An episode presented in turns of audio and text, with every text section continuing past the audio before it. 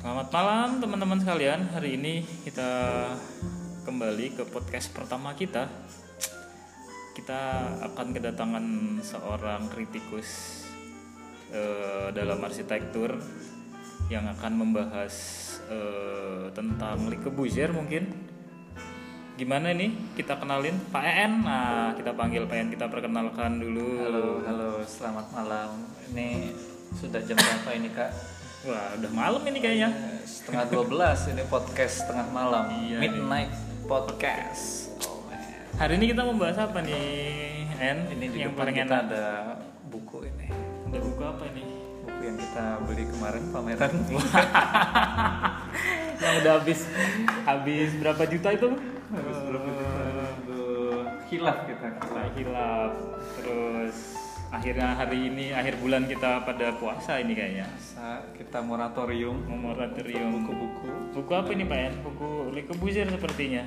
Ya, ini kan Pak Widya yang beli. Saya lupa ya. Tapi menarik eh, dibaca sekilas ini tentang per- perjalanan hidup karya-karya Le Corbusier Apa nih. ini isinya?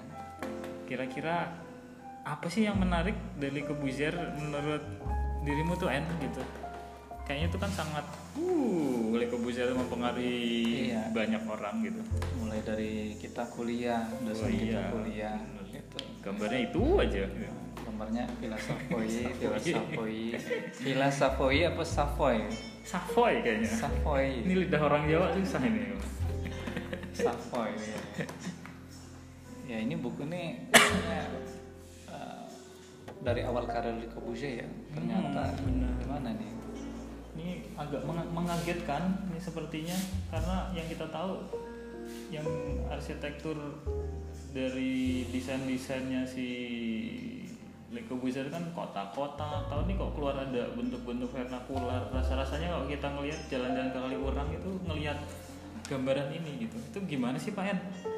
dia ada apa kira-kira menurut Pak En ini terhadap Le Corbusier apa dia rada-rada blenyon blenyon ya apa ya blenyon nih ya ini kita kayak ngelihat proses ya aku nggak bisa ngomong formal nggak usah formal-formal kayak kita ngomong biasa aja udah Nah, kalau kita ngelihat rumah-rumah gambar di sini ini kita kayak nggak ngelihat Le Corbusier ini nggak percaya kalau yang desain ini Le Corbusier gitu. Iya, ini, ini agak mengagetkan sih pertama-tama Iya. ini judulnya apa sih tipikal rumah tinggalnya ini kan atapnya eh, atap limasan gitu kan iya ya kayaknya kita kenal banget sama bentuk atapnya indis-indis gimana gitu ya pertama kita kenal di Corbusier kan atapnya datar-datar gitu kan iya bener dengan segala macam bentuk box-boxnya itu kan ya dengan konsep-konsep enam konsepnya ini kok beda banget gitu ini villa saya ngomongnya piye villa Stroces Villa Stotzer Stotzer Ya, ini arsitek Swiss kalau di Corbusier ini arsitek Swiss Oh, walaupun gitu. karyanya itu banyak di Perancis berarti dia lahirnya di di Swiss Swiss oh gitu dia tercatat mungkin di IAI Swiss itu Iya. tercatat sebagai It- IAI AI-nya Iya, Swiss, cuman memang banyak karyanya tuh ada di Perancis tuh banyak. Di, ya di seluruh dunia lah gitu.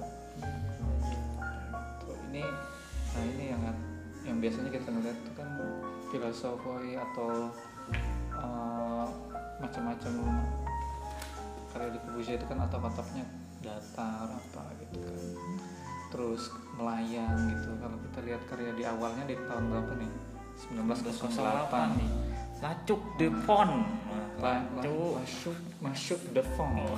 ada phone Pong namanya kayak tahu pong itu kan masif banget gitu terus dia sangat apa kayak eh, ngelekat di tanah gitu kan kayak memijak bumi banget gitu dia di atas tanah beda dengan filsafat yang dia ringan melayang di atas tanah gitu ini bahasa-bahasa klasik lah dipakainya gitu masih sangat vernakular ya sangat, Sangat detil vernakular. gitu antara apa Plastik. ini yang kayak gini yang eh, patah-patah ini ngingetin saya ngingetin arsitektur Indonesia tuh di area mana ini ya kok kayak arsitekturnya Indonesia banget tropis lah gitu kayak nggak di Eropa oh Iya. Iya. ya Eropa mungkin zaman dulu yang seperti ini terus ke bawah di Indonesia kan bener-bener batu-batu gitu ya Cuman bedanya di Indonesia bentuk kayak gitu tuh dipelihara pak.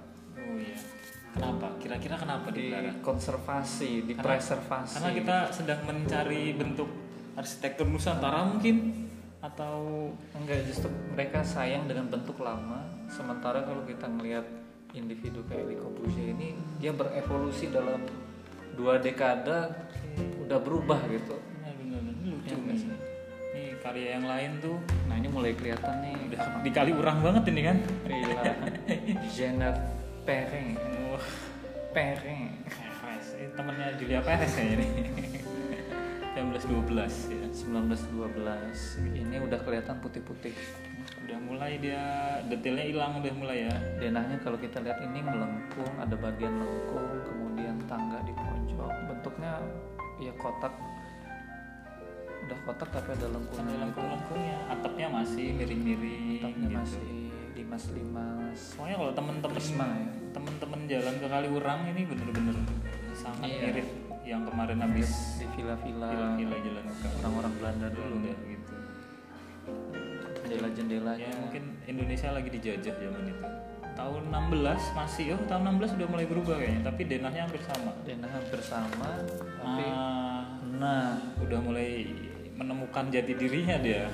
udah mulai berubah nih 16 udah mulai kelihatan udah mulai menghilangkan atapnya ya iya benar benar atapnya udah hilang hilang udah nggak ada lengkungnya masih ada tapi pak ya lengkungnya ada atap limasnya udah hilang diganti dengan atap plat gitu materialnya masih pakai bata expose nah ini yang penyuka bata expose zaman sekarang ya Mas Andi Rahman itu dia ternyata sudah nilai kebusir sudah duluan di tahun 16 ya. ya kan kemarin ada Avianti Arman dia posting di Instagramnya itu apakah bata adalah warisan arsitektur Nusantara nah ternyata ini tahun 16 Le di Corbusier mana-mana di Eropa juga Ada memang bata gitu jadi ternyata bu- bu- bukan terlalu otentik bahwa dia itu arsitektur Indonesia gitu kita ya. akan menggugat Pak Jospri kalau mengatakan karya Andi Rahman itu arsitektur Nusantara. bisa juga. Nah, ini kita tunggu podcast selanjutnya dengan Andi Rahman. nah, ini ya. tahun 23 24 apa ini ngomongnya susah banget nih. Iya. gitu. Une Petit Maison, sebuah rumah kecil. Oh, kok kamu bisa? Artinya apa? Petit itu kecil. Maison itu mansion. Oh, rumah. Hunian. Oke, kita lihat penampakannya. Ini bentuknya memanjang, denahnya linear gitu. Gimana nih bentuknya? Coba kita lihat, kita buka halaman selanjutnya udah mulai clean clean, ya, Iya. udah mulai Rumah urban kayaknya. udah mulai menemukan bentuk apa compact terus pintu jendelanya yang lurus-lurus yang kita kenal di Ribbon Plaza Boya. Windows kita kenal. Wah, saya aku tahu ini rumah siapa ini. Ini rumah orang tuanya nih. Oh, and miri- with the miracle of the light. Oh, karena ini menghadap langsung menghadap danau kali ini ya. Miracle of the Light. Danau sepertinya ya, bukan laut ya. Coba kita lihat lagi, udah warnanya sih udah masih ada pink, pink bukan ya? Iya, kayak coklat biru. pink biru gitu kan bayangin lu di Kebuzer mendesain terus yang kita kenal semua warna putih ternyata di sini ada pink dan ya. biru di desainnya Biru di dinding interiornya. coba kita lihat karya-karya yang lain lagi ini nah tahun Ini yang paling fenomenal ya. yang Tahun semua berapa anak arsitek mesti walau nggak tahu namanya tapi pasti pernah lihat gambarnya Villa Savoye tahun 29 sampai 31 1929 sampai ini 31 menarik nih kalau teman-teman bisa baca bukunya bentuknya persegi kayak gini ternyata perubahannya emang bener-bener di sini ya di dua karya terakhir Iya. semua komitmen arsitektur modern yang dikeluarkan di Corbusier itu diaplikasikan di Villa Savoye ini prinsip prinsip arsitekturnya modernnya ya dari lightingnya bukaannya Kepikiran. gitu. Ando ini ngambil dari cahaya yang kayak gini nih. wah jangan-jangan Ando Ando terpengaruh sama Le Corbusier iya ada ada ada riwayatnya seperti itu hmm, gitu. Ya kan? melihat karya-karya Nico Buse dan arsitektur Eh, kita kedengaran gak sih orang-orang di belakang itu Gak apa-apa, ngorok itu bagian dari backsound ya, yang yang ini. yang terakhir tuh bunyi tuh Gak apa-apa ya teman-teman sekalian ada suara ngorok itu menandakan bahwa kita ini slow gitu. Slow. Orang tidur kita buat. Ini Vinian 1230. skalanya udah gede ini udah hunian banyak unit